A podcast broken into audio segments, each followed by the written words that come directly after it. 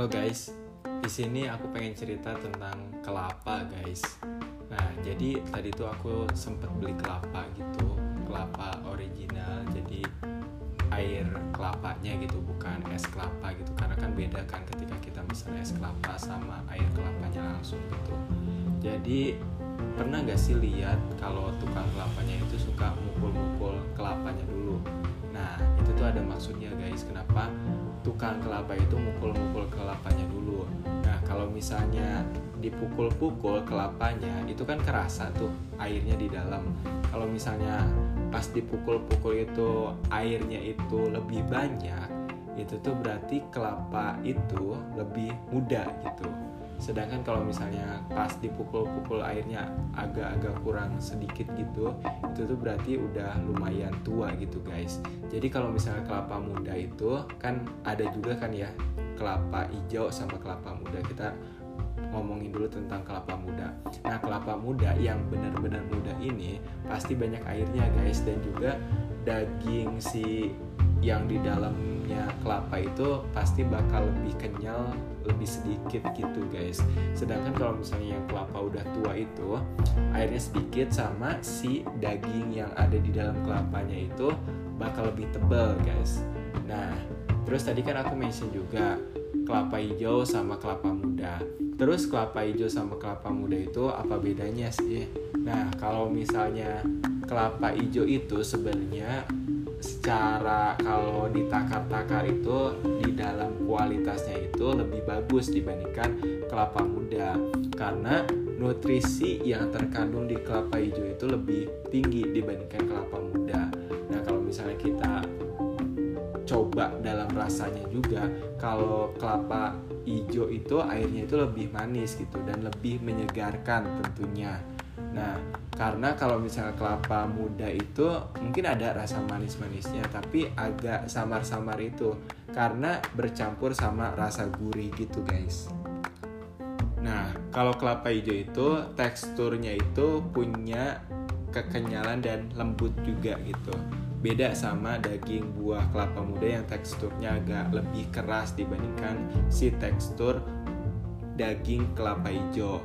Nah, lapisan buahnya pun lebih tipis kalau kelapa hijau dibandingkan sama kelapa muda gitu.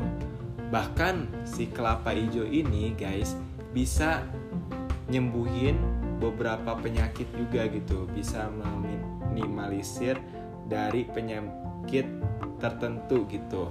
Manfaatnya tuh banyak, guys, kayak gitu karena itu tadi punya nutrisi yang sangat luar biasa yang kualitasnya keren sih kalau menurut aku kalau misalnya dilihat lagi takaran gizi dari kelapa muda ini kayak misalnya yang pertama itu si kelapa hijau ini ternyata bisa menetralisir racun dalam tubuh. Nah kalau misalnya kamu nanti suatu saat ya nggak tahu juga ya guys dan nggak janganlah jangan jangan keracunan. Tapi kalau misalnya ada keadaan darurat ketika kamu ngalamin ngerasain keracunan makanan nah itu bisa dinetralisir sama kelapa hijau ini kayak gitu. Kenapa?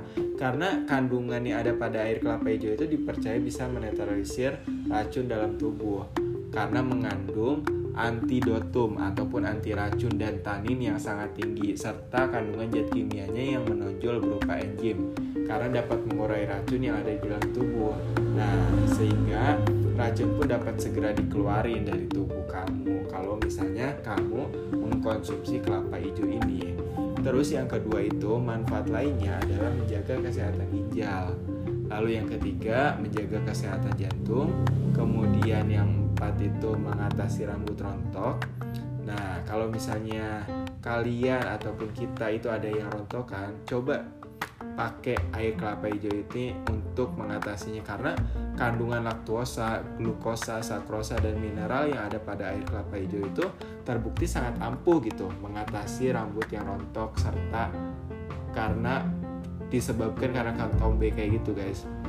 Nah kalau misalnya pakai air hijau itu bisa mengatasi rambut rontok itu dengan mudah gitu, yaitu dengan menyampurkan air garam ke dalam air kelapa hijau hingga semalaman. Setelah didiamin semalaman, kemudian usapkan air kelapa hijau tersebut pada kepala kamu dari kulit kepala hingga ujung rambut kamu lalu pijat-pijat sekitar 10 menit. Setelah selesai dipijat bungkus rambut dengan handuk dan diamkan semalaman. Lalu bilas keesokan harinya dengan menggunakan air hangat. Nah gampang kan guys? Kayak gitu. Terus yang kelima itu mengatasi sakit kepala. Lalu yang keenam yang terakhir itu menyembuhkan alergi pada kulit nah bisa juga untuk mengatasi alergi pada kulit karena air kelapa hijau ini dapat mengurangi virus, bakteri dan jamur yang menyebabkan alergi pada kulit kita gitu. Lebih efektif juga kalau misalnya kamu mengkonsumsi air kelapa hijau bersama dengan penggunaan salep agar alergi kulit yang sedang dialami itu sebenarnya bisa diatasi dan cepat gitu. Oke, cukup sekian. Terima kasih Alsioran.